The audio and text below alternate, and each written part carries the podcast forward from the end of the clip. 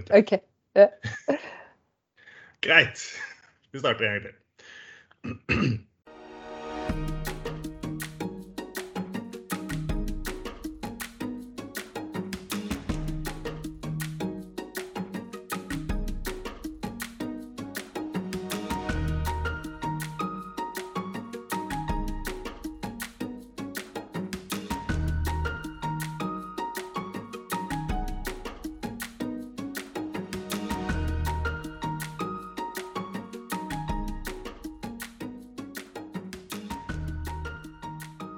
Hallo, Ove. Er du klar til å fortsette praten med politikere opp mot valget i, til høsten? Ja, nå har vi jo snakka med minst halvparten, har vi ikke det? Vi har det, men vi har ikke vært så veldig langt ute til venstre. Kanskje vi skulle snakke med Sosialistisk Venstreparti? Ja. Er ikke hun nestlederen der eh, tidligere Nav-ansatt? Kirsti Bergstø hun har vært ansatt i Nav tidligere, ja. Det må være rette person å spørre denne gangen. I dag har vi Kirsti Bergstø på besøk. Født i 1981 i Rana i Nordland. Bor i Nittedal, Akershus. Tidligere statssekretær i Barne- og likestillingsdepartementet. Tidligere medlem av arbeids- og sosialkomiteen i Stortinget. Har i talende stund fire år og seks dagers ansiennitet på Stortinget. Utdannet barnevernspedagog fra Høgskolen i Finnmark. Nestleder i SV fra 2017. Har sin egen podkast som heter Bergstø og bra folk. Og ikke minst, hun har jobbet i Nav Nesseby fra 2009 til 2010. Velkommen. Tusen hjertelig takk for det. Kirsti, vi starter med litt mer om deg. Hvorfor blei du politiker? Jeg ble politisk aktiv eh, fordi at jeg så at eh, det var noen ting som måtte endres. Eh, og at måten å forandre ting i, i, i samfunnet og livet er jo gjennom organisering. Eh, at man eh, går sammen eh, om et, om et mål. Og så er det jo noen ting man erfarer eller opplever som, som gjør at man kaster seg inn i politiske kamper. og jeg har veldig sånn konkrete erfaringer som gjør at jeg ble feminist og sosialist. Fordi da jeg var ganske ung, så gikk en, en sånn TV-serie som het Baywatch. Og det her handler sikkert noe om hvor gammel vi var da denne serien gikk. Men, men da skjedde noe med synet på jenter og gutter, og synet på oss sjøl. Og da fikk vi på en måte kjønnsrollene og forventningene til utseende og kropp klistra opp rent fysisk i klasserommet. Eh, Og da eh, starta jo eh, kampen om å rive ned bilder av damer som var veldig urealistiske å sammenligne seg med, og også en stor diskusjon om hvilke forventninger vi skal ha til gutter og jenter. Mens når jeg ble litt eldre på ungdomsskolen, så jeg opplevde at, eh, at min far ble skrekkelig syk. Han ble så syk at han skulle dø. Og da eh, var sykestua, nedleggingsstua, eh, hjemme i Nesseby. Og det var den som gjorde at han kunne ha sin siste tid hjemme hos oss. Eh, og da eh, var det viktig å organisere seg for å bevare den. Eh, og det klarte vi. Så min far han tapte kampen mot kreften, men vi klarte å vinne kampen for sykestua. Og det er jo de tingene politikk handler om, ikke sant? Det er jo det at vi ser at her er det noe som vi ikke er tjent med i hverdagen vår, og som vi faktisk kan gjøre noe med. Og da var det naturlig, da jeg begynte på videregående og var borteboer og hadde dårlig råd, å organisere seg for at vi skulle få gratis læremateriell i videregående skole. Og det hadde vi jo fått. Så organisering nytter og politisk kamp det er jo alltid noe som ligger nært oss, fordi det angår livene våre. En veldig sterk historie det, Kirsti. Eh, Da blir mitt neste spørsmål litt mer previelt, men jeg lurte på om du kunne fortelle litt om deg selv som folk flest ikke vet. Ja, så nå er det jo sånn at det aller meste vet vi jo ikke om hverandre. Eh, kanskje mange ikke vet eh, at jeg i tillegg til å ha jobba på Nav, også har jobba med voldsutsatte kvinner på krisesenter. Det var den tida da eh, det var eh, rene kvinnesentre. Og eh, med tjenester for mennesker med utviklingshemming og autisme. Eh, Og også barnevern og hjelpetjeneste.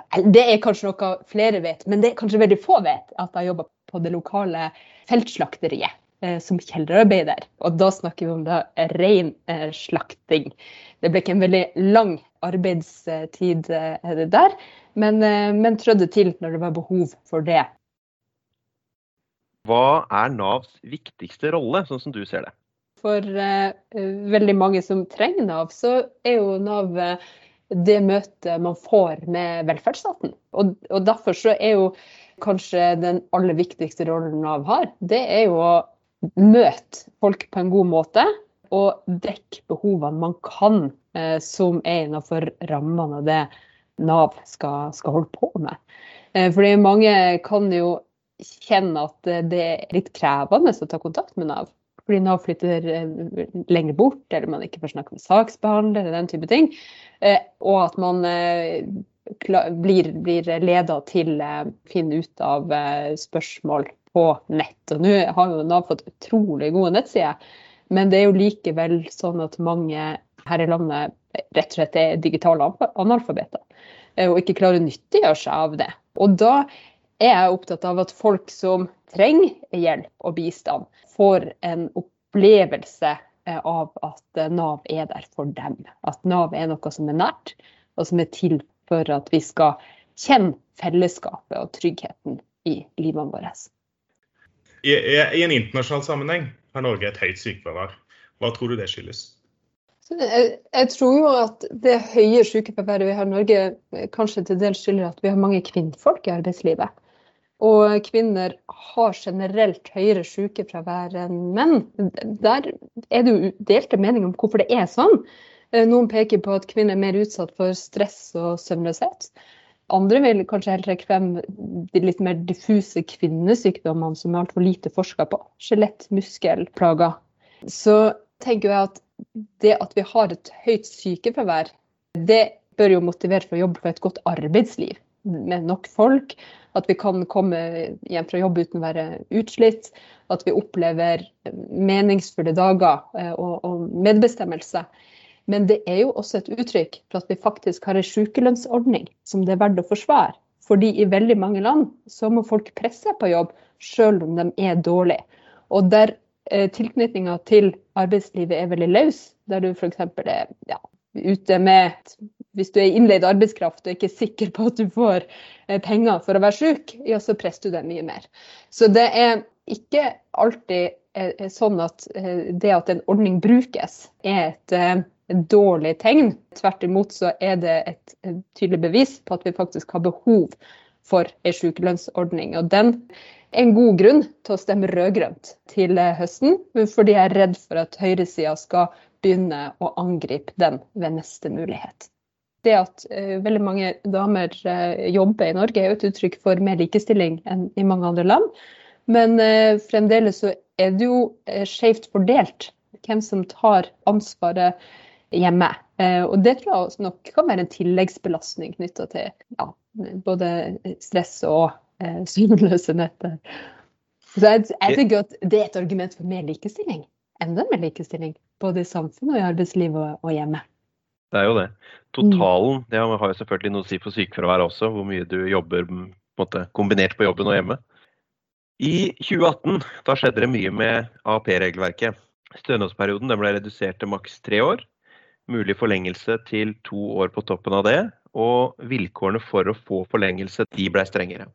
Er AAP-regelverket sånn som det er akkurat nå, sånn som det bør være eh, etter ditt syn? Nei, det er det ikke. Uh, og det første vi må gjøre, er å reversere de endringene som har eh, skjedd de siste årene. Fordi at vi ser at uh, det verken er forutsigbart nok for dem som trenger det, eller fleksibelt nok for dem som jobber med det. Jeg er jo veldig imponert over denne AAP-aksjonen. Som har vokst frem de siste årene. Og tenker jo at Nav Eh, sine tillitsvalgte og medarbeidere og AAP-aksjonen har veldig mye til felles i kritikken av ordninga. Og det er brutalt eh, å snakke med folk som har havna på bare bakke, eller opplever å bli helt uten eh, inntekt gjennom karens. Så vi er nødt til å endre AAP-ordninga. Og det handler jo rett og slett om å ha muligheten til å bli ferdig avklart. Fordi eh, vi må huske på hva det er for noe. Nei, det er jo avklaring for å finne ut av eh, om man kan eh, jobbe eller hvordan helsesituasjonen er. Når det er såpass mange som, som erfarer at eh, tida ikke strekker til, eh, og at presset blir for stort, ja, så er ikke det en god ordning eh, for det som er hensikten hennes. Ja, ikke sant. For det, noe av argumentasjonen for at det ble gjort endringer, det var jo at folk må ikke bli fanga i AAP. Det er vel ingen som ønsker at et avklaringsløp tar lengre tid enn det trenger. Mm. Men spørsmålet er jo om vi skal innrette ordningen etter de mange som ikke trenger lang tid, eller om vi også skal innrette etter de fortsatt ganske mange, men relativt sett få, som trenger lang tid.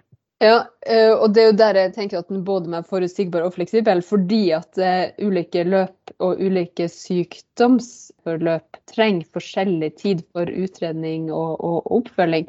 Men det som er viktig, er jo at man har nok folk til å kunne gi en god oppfølging. Ikke sant? Fordi det nytter jo ikke om du har uh, vært på mottatt arbeidsavklaringspenger over en tid, og så, så har det ikke vært et, et godt nok løp fra helsevesenet eller eh, arbeidsutprøving til side for at man har fått de svarene som man har fått, eh, eller som man er avhengig av å, få. Så Der trenger man jo den lengda som må til for at eh, man skal kunne avklare folk på en god måte. Og innrette ordninga etter det. Det er jo ingen som vil være i et arbeids arbeidsavklaringsløp lenger enn en nødvendig. Et annet eh, stadig aktuelt tema er jo arbeidsledighet. Hva mener eh, dere i SV er de mest effektive grepene for å hjelpe folk tilbake på jobb? Hva tror du fungerer? Det vi vet at fungerer for den enkelte, det er jo tett og individuell oppfølging. Eh, og at man har meningsfulle kurs og kompetanseheving. En god del vil jo kunne bruke tida som arbeidsløs på å få papirer på det man kan det vil være meningsfullt eh, og gjøre at man styrker seg i eh, videre løp for å, søke eh, om, om, om, arbeid. Men så er det jo også et spørsmål om hvordan man skal få jobber. Og da handler det jo i stor grad om å få hjula i gang mange plasser. Og sørge for at man i, setter kommuner og fylker i stand til å ruste opp istedenfor å legge ned.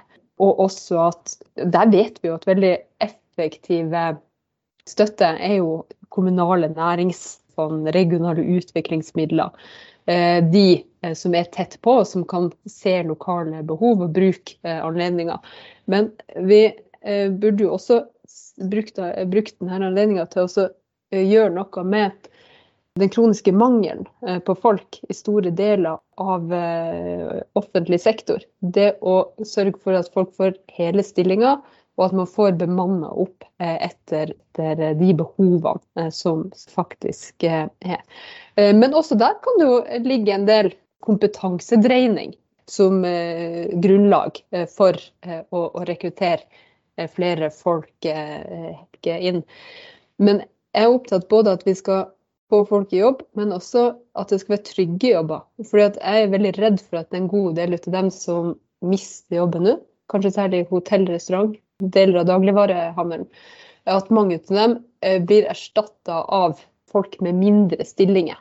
Og at vi får, eh, hvis vi ikke tar veldig kloke grep nå, så risikerer vi en, en, en utvikling med enda løsere tilknytning eh, til arbeidslivet og mer deltidsarbeid enn det vi har hatt fra før. Og hører jo rapporter fra tillitsvalgte i litt ulike bransjer om at de opplever at de blir tilsidesatt, og at eh, det er en mer såkalt fleksibel arbeidskraft som ønskes inn i etterkant. Og det må vi jo gjøre alt vi kan for å, å unngå. Folk skal ha trygge jobber, og da er det hele og faste stillinger som, som trengs. Ja, fleksible ordninger for arbeidstakere er vel litt sånn i, i Nav også. Altså, de siste årene så har det vært betydelig kutt i Nav sine budsjetter. Og reduksjonen er jo blitt erstattet med midlertidig økning og øremerkede midler. Hvordan tror du dette påvirker Navs tjenester? Det er jo umulig å skulle gi like gode tjenester med mindre penger. Eh, og noe eh, denne eh, blå regjeringa har gjort mye galt. Men en av de frekkeste øvelsene de har gjort, det er å kalle kutt i offentlig virke for en reform. Avbyråkratiserings- og effektiviseringsreform. Det er et eksempel på en sånn nyord der man later som om blinde ostehøvelkutt, der man må skrelle ned på aktivitet, er noe som har med effektivitet å gjøre. Det er, eh, er klart at uh, har du mindre ressurser, ja, så blir det også press på uh, tjenestene og på arbeidet man skal utføre. Uh, og så kommer jo koronakrisa, som gir forskjellskrisa en, en, skrekkelig fart. Og man ser at oi, nei, det var jo ikke så lurt å kutte ned i skatteetaten, som skal sørge for at Eh, krisepengene blir brukt riktig, eller i Nav, eh, som skal sørge for at eh, arbeidsløse og permitterte blir ivaretatt. Og da risikerer man jo at man må skyte inn med masse midlertidighet, i stedet for at man har en bemanning som, som er på plass. Og det ser man jo at er veldig store deler av offentlig sektor er jo underbemanna fordi man ikke legger opp til nettopp de uforutsigbare hendelsene som man er nødt til å ta seg av når de oppstår. Og så er det klart at akkurat i den situasjonen vi har vært inne i nå, så måtte nok man økt bemanninga i Nav ekstra for å ta, ta, unna. Men det hadde blitt gjort på en mye bedre måte hvis ikke man hadde kutta eh, ned så kraftig i forkant. Ja, det er jo utrolig at man må diskutere det. Men uh, det er klart, hadde Nav hatt mer penger, så kunne vi ha gjort mer. Mm. Og så har det jo ikke, ikke, bare har man hatt en sånn kuttpolitikk. Folk i Nav har også blitt kalt for ansiktsløse byråkrater. Mm. Det er noe med synet på offentlig virke, offentlig sektor, alle som står i front for å gjøre en jobb for oss som samfunn og fellesskap, som er nødt til å, å endres. Eh, og i det så ligger jo også det store spørsmålet om hva skulle en effektivitet eh, og en avbyråkratisering vært hvis man hadde et ønske om å gjøre det på ordentlig? Nei, men det måtte jo vært en tillitsreform, det. Ikke sant? Som eh, satte den faglige friheten eh, i forsetet, og som satte folk og faglighet først. Og som snudde ressursene fra topp til bunn. Og som eh, sørga for at det er folk sjøl som kan være med på å Eh, utvikle metoder, eh, ha regi eller tiltak i egen regi, og som kan møte de behovene man merker at ikke er dekt, eh, med utgangspunkt i sin faglighet og sin arbeidssituasjon. Det, det kunne bidratt til et mer effektivt Nav, på den måten at folka som jobber i Nav i større grad fikk, fikk være med å forme hvordan Nav skulle virke. Jeg husker veldig godt selv når jeg jobba i Nav, så kom de her målekortene. Nå har de blitt litt endra eh, siden da. Eh, men likevel så tenkte jeg, eh, når vi fikk det her trafikklyssystemet presentert, så tenkte jeg at det her kunne jo vi lagd veldig mye bedre systemer på. Om vi fikk satt oss ned, diskutert hva er det utfordringa, hvordan kan vi jobbe bedre, men det var ikke rom for den fagdagen, når vi skulle gå gjennom hvordan vi skulle måles eh, gjennom trafikklys, sånn at sjefen kunne måles og sjefen over der kunne måles, måles igjen. Og Det er noe med hele tilnærminga til eh, offentlig sektor. At man presses inn i bestiller-utfører, Måler man i. Settes opp mot hverandre, innleide konsulenter, i stedet for å tenke at her er det et kjempeutgangspunkt eh, i de folka som jobber her, som den viktigste ressursen fellesskapet har. Hvordan kan vi, vi legge til rette for stedlig lederskap eh, og en modell i arbeidslivet som setter folk og faglighet først? Så Det vil jo ja. være motstykket da, tenker jeg, til denne kuttpolitikken. Det må være tillitsreform og ressurser.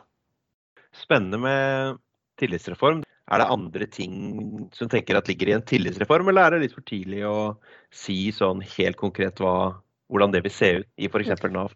Altså, jeg tenker at Partssamarbeid er et viktig stikkord. Og utvida medbestemmelse er, er nødvendig. Og så er det jo noen ting som vi vet at vi kan gjøre, eh, spesielt for Nav. Eh, og det er jo å kutte konsulentbruk, og heller satse på, på kompetanse eh, i Eh, Nav.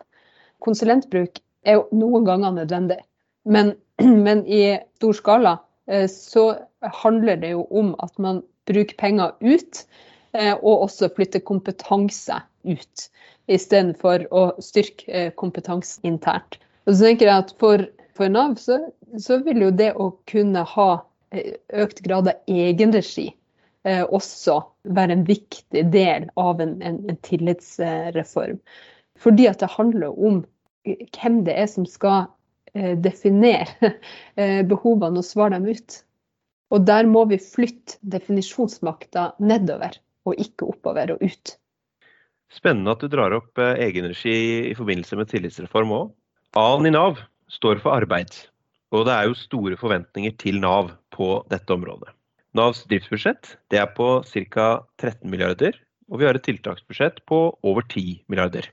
Det betyr i praksis at vi i Nav ikke kan drive like tett oppfølging sjøl som vi kunne gjort, men at vi er bundet til å kjøpe tettere oppfølging av andre aktører. Hvordan skal vi finne annen eller lykkes bedre med arbeidsdelen av samfunnsoppdraget, gitt de rammene? Du nevnte jo i stad at det er tett oppfølging som fungerer når det gjelder å hjelpe folk tilbake i arbeid.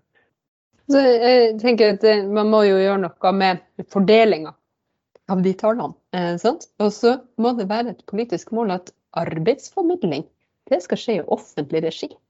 Det er Nav som skal stå for det. Eh, det gjør at vi må rigge eh, om eh, systemene, og også faktisk, etter SV syn, avskaffe bemanningsbransjen.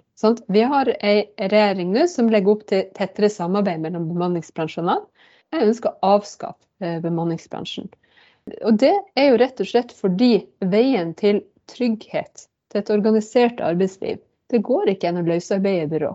Og det at innleid arbeidskraft mange plasser erstatter fast ansatte. Enten det er bygg og anlegg, industri, helse og omsorg. Som siste eksempel handler vel mer om at man ikke øker sjøl, eh, men får dem eh, innleid arbeidskraft til å ta unna. Det som egentlig er reelle bo. Eh, og, og, og, det er en veldig feil utvikling av, av, arbeidslivet. så Derfor må vi endre arbeidsmarkedsloven og si at selskap med formål til å drive, drive ut leie, de skal vi ikke ha. Vi må endre Eh, arbeidsmiljøloven, sånn at eh, det kunne snakk om reelle vikariat med bruk av innleie, så må vi sørge for både oppfølging av arbeidstilsyn og sanksjoner eh, der lovverket brytes. Og Det tror jeg er helt nødvendig å gjøre, både for å si hvordan arbeidslivet vi vil ha, men også for å plassere ansvaret for arbeidsformidling og kunne ta det effektivt tilbake. Vi vet jo at veldig mange, mye av teknologien som finnes, med apper og, og sånt, gjør det lettere å krysse uløste oppgaver og ledige hender. Men da må det jo være det offentlige som styrer dem, for at det skal være et verktøy som er til det gode for folk, og ikke et arbeidsliv med skrekkelig skjeve maktforhold, der appen er sjefen som dikterer når du kan jobbe og hvor arbeidet skal utføres. Eh, så her må vi gjøre ganske store snuoperasjoner i arbeidslivet eh, for å ta det her politikkområdet tilbake eh, til noe arbeidsfolk er tjent med. Og Det må jo også gjenspeiles i hvordan spillerom Nav skal ha i tiltak og i oppfølging av, av folk. Jeg må jo si at jeg holdt på å gå av skaftet da jeg skjønte at de som skal lede folk ut i arbeid, sjøl er i løsarbeidssituasjoner. Vi har, vi har jo sett eh, skrekkeksempler med eh, folk med, i din utvikling f.eks. Eh, og det er ingen grunn til å tenke at de ikke gjør en god jobb. Men å si at man skal holde på med enkeltmannsforetak og uthule det som skal være ordna arbeidsforhold for å kjøpe det inn som tiltak i offentlig regi, sant? det er jo sånn man Eh, man undergraver hele velferdsstatens eksistens og åpner opp eh, for profitt, for privatisering av, av, oppgaver og ansvar, og også fragmentere det som skal være et offentlig ansvar. Så det handler om å ta arbeidslivet tilbake i sin fulle forstand. Nei, Det var flere av oss som datt av stolen når vi eh, skjønte hvordan din utvikling var organisert, med selvstendig næringsdrivende som eh, jobba for dem. og Det var jo etter initiativ fra avdelingen vår i Rogaland at vi gjorde et arbeid opp mot arbeidsgiver for å få slutt på det. og Vi får håpe at eh, vi ikke ser noe mer til det. Men du kom ikke av seg sjøl, så det ble gjort et kjempegodt stykke arbeid eh, lokalt for å gjøre noe med det, og selvfølgelig også resten av, av forbundet. Så det imponerte meg hvordan den saka ble tatt fatt i. En annen ting som er litt vrient, i hvert fall syns vi det, i hvert fall innimellom, det er at Nav-kontorene drives i partnerskap mellom stat og den enkelte kommune. Hva syns du om den modellen? Jeg syns det er vanskelig å mene noe sånn veldig fast om den modellen. Det er jo den som ligger til grunn for, eh, for ei dør til velferdtankegangen. Eh, og så vet vi jo at eh, det er nok variabelt hvordan det fungerer i praksis, og hvem som føler mest ansvar i det partnerskapet. Det, det tror jeg nok det er. Så har jo en del blitt endra gjennom kommunesammenslåing, at Nav-kontoret er lagt ned og flytta vekk. Eh, og jeg tror jo at det å diskutere partnerskapet i Nav er viktig at vi gjør med utgangspunkt i de konkrete erfaringene man har. Eh, og da hadde det vært interessant å eh, samle de forbundene som organiserer folk i Nav, altså både, både NTL, men også FO og Fagforbundet, for å diskutere hva er medlemmene og de som jobber i tjenesten sin erfaring. For der får jo vi i, i SV har jo fått litt, ja, litt sånn delte tilbakemeldinger fra ulike hold. og Derfor så syns jeg det er viktig å snakke om hvordan vi kan utvikle det partnerskapet, og hvordan framtida skal se ut, ut for det. Og det syns jeg ikke er opp til partiene alene å definere. Ja, det er jo interessant det da, at hatt eh, LO-organisasjonene og få litt god dialog der. Og se liksom hvilke mm, interesser og motsetninger som, som, ligger i det. Du nevnte også det som er resultatet av sammenslåinger av Nav-kontor, som gjerne er da at Nav-kontor legges ned og flyttes eh, lang, lenger bort. Andre Nav-kontor har jo også hatt reduserte åpningstider som har utfordra tilgjengeligheten. Og så er det forventninger til brukere eh, om at de skal eh, gå på nett og ta kontakt per telefon. Så spørsmålet er litt eh, spisset er jo hvor lett syns du det burde være å komme i kontakt med Nav? Jeg tenker at det skal være lett å komme i kontakt med Nav, også for dem som ikke syns det er greit digitalt. Og nå var det jo ei dør til velferd som på en måte var målet med Nav-reformen på mange måter. Men det nytter jo ikke med ei dør hvis den er stengt. Og Derfor er jeg veldig skeptisk til at Nav flyttes ut av lokalsamfunnet og bort fra folk. Fordi at jeg tror at et nært Nav eh, gjør det lettere å ha godt samarbeid med nærings- og arbeidsliv på de ulike stedene. Eh, oppnå tillit til, til det og også eh, styrke tilgjengeligheten eh, for folk. Eh, og så er det jo klart at det å være tilgjengelig må jo også skje på måter som gjør at folk får rett hjelp på det de lurer på. Fordi det er jo veldig mange forskjellige spørsmål man kan ha idet man skulle komme inn på et, et Nav-kontor. Så vi, vi, kan ikke lage forventninger vi ikke kan innfri. Men det at det skal være mulig å komme i kontakt med helt fysiske mennesker, det eh, syns jeg er viktig. Og så har jeg jo selv, Jeg jo kommunalt ansatt på Nav, eh, men min erfaring var jo at det var jo i samtale med arbeidsløs kvinne at vold i hjemmet ble avdekt. Det er jo en del av det helhetlige i et menneskeliv som kan forsvinne eh, i det man ikke får muligheten til bare det å ha en saksbehandler, eller det å eh, ha eh, et og annet fysisk møte eh, med, med, folk. Det korte svaret er jo at Nav må være nært og tilgjengelig. Og så er det nok forskjell på generasjoner og personer hva som oppleves som nært og tilgjengelig. Eh, og Derfor syns jeg det er veldig bra at man utvikler den digitale strategien og eh, gjør at det som kan gjøres på nett, eh, gjøres på nett. Men det er jo mang en person som har opplevd det som å, å skulle liksom bestå kjentmannsprøven i, i ordninga, når man har hatt sine mørkeste dager eller vært syk og ikke kjent at man mestra det fullt ut. Og det er ingen god opplevelse. Eh, og Det er derfor jeg tenker at vi må ha, vi må ha den tilgjengeligheten som gjør eh, at folk også finner svar og får dekka eh, sine spørsmål og, og behov. Vi nærmer oss slutten nå. Men én ting vi er nysgjerrig på, hva tenker du om oss? Og For deg så er jo det litt annerledes spørsmål, for det inkluderer jo nesten deg. Men hvordan vil du beskrive en typisk Nav-ansatt? Altså En typisk Nav-ansatt tenker jeg at er en person med sterk faglig integritet. og som virkelig gjør sitt, sitt beste for å få den gjort. Og så er jo Nav-ansatte like allsidige som alle andre. Eh, så det er jo folk med eh, erfaring fra ulike deler av arbeidslivet ellers. Eh, ulike fagbakgrunner og, og også ulike ja, personligheter. Uh, men som Nav-ansatt så tenker jeg at det først og fremst er uh, den der faglige integriteten som er kjennetegnet. Vi kommer definitivt fra alle sider av arbeidslivet. Hans Christian Holte, Nav-direktøren, intervjua jo nå nylig Eh, på et allmøte for etaten en eh, person som tidligere hadde jobba i eh, finansverden. Det var jo litt spennende. Det er tydelig at det er veldig mange forskjellige. Vi... Det, det gjør det jo til veldig artige arbeidsplasser òg. Det gjør jo det. Har, og det er jo det som er så flott òg.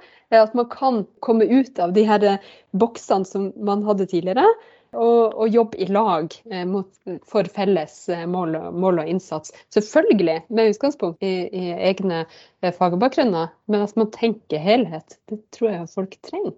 Ikke sant? Og, og, vi skal jo forhåpentligvis eksistere i en god tid fremover også. Eh, vi har jo satt et tiårsperspektiv på, til våre intervjuobjekter her, og lurer på hvordan du ser for deg at Nav ser ut om ti år.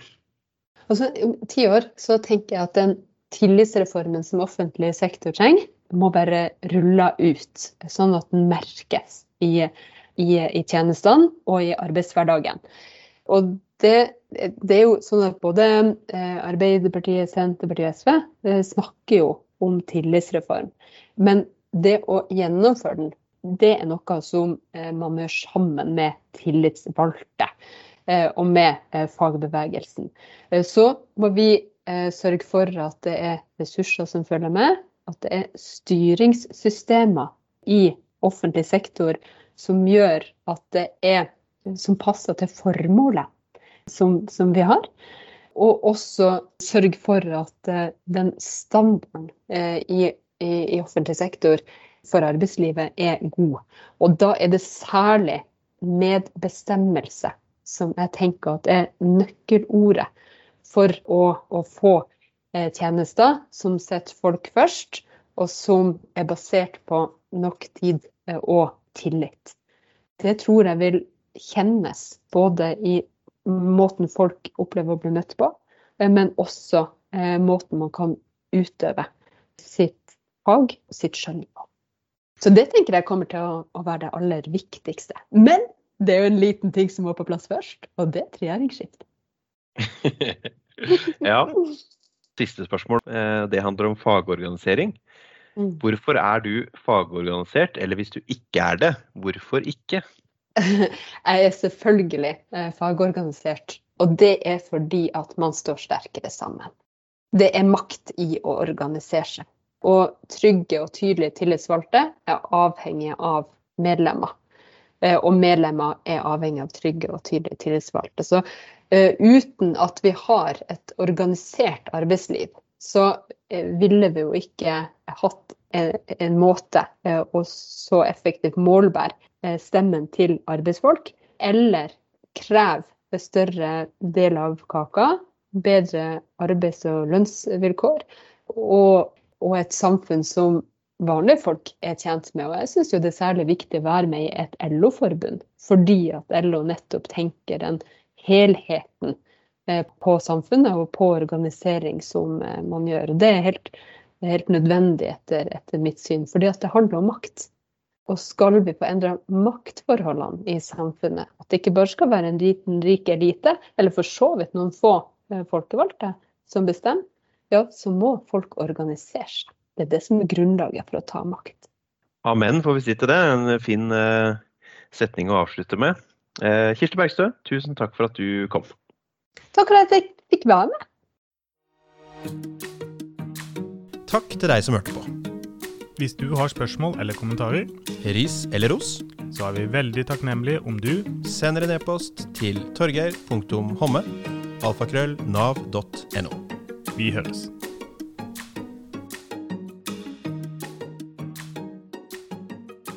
Hvis du vil høre mer NTL-stoff om valget til høsten, så arrangerer NTL Ung et webinar for unge medlemmer under 35 år 16.6, 11.30 til 13.00. med tema 'Hvilke konsekvenser vil et eventuelt regjeringsskifte få for Nav'. De får gjester både fra Arbeiderpartiet og SV. Meld deg på på ntl.no.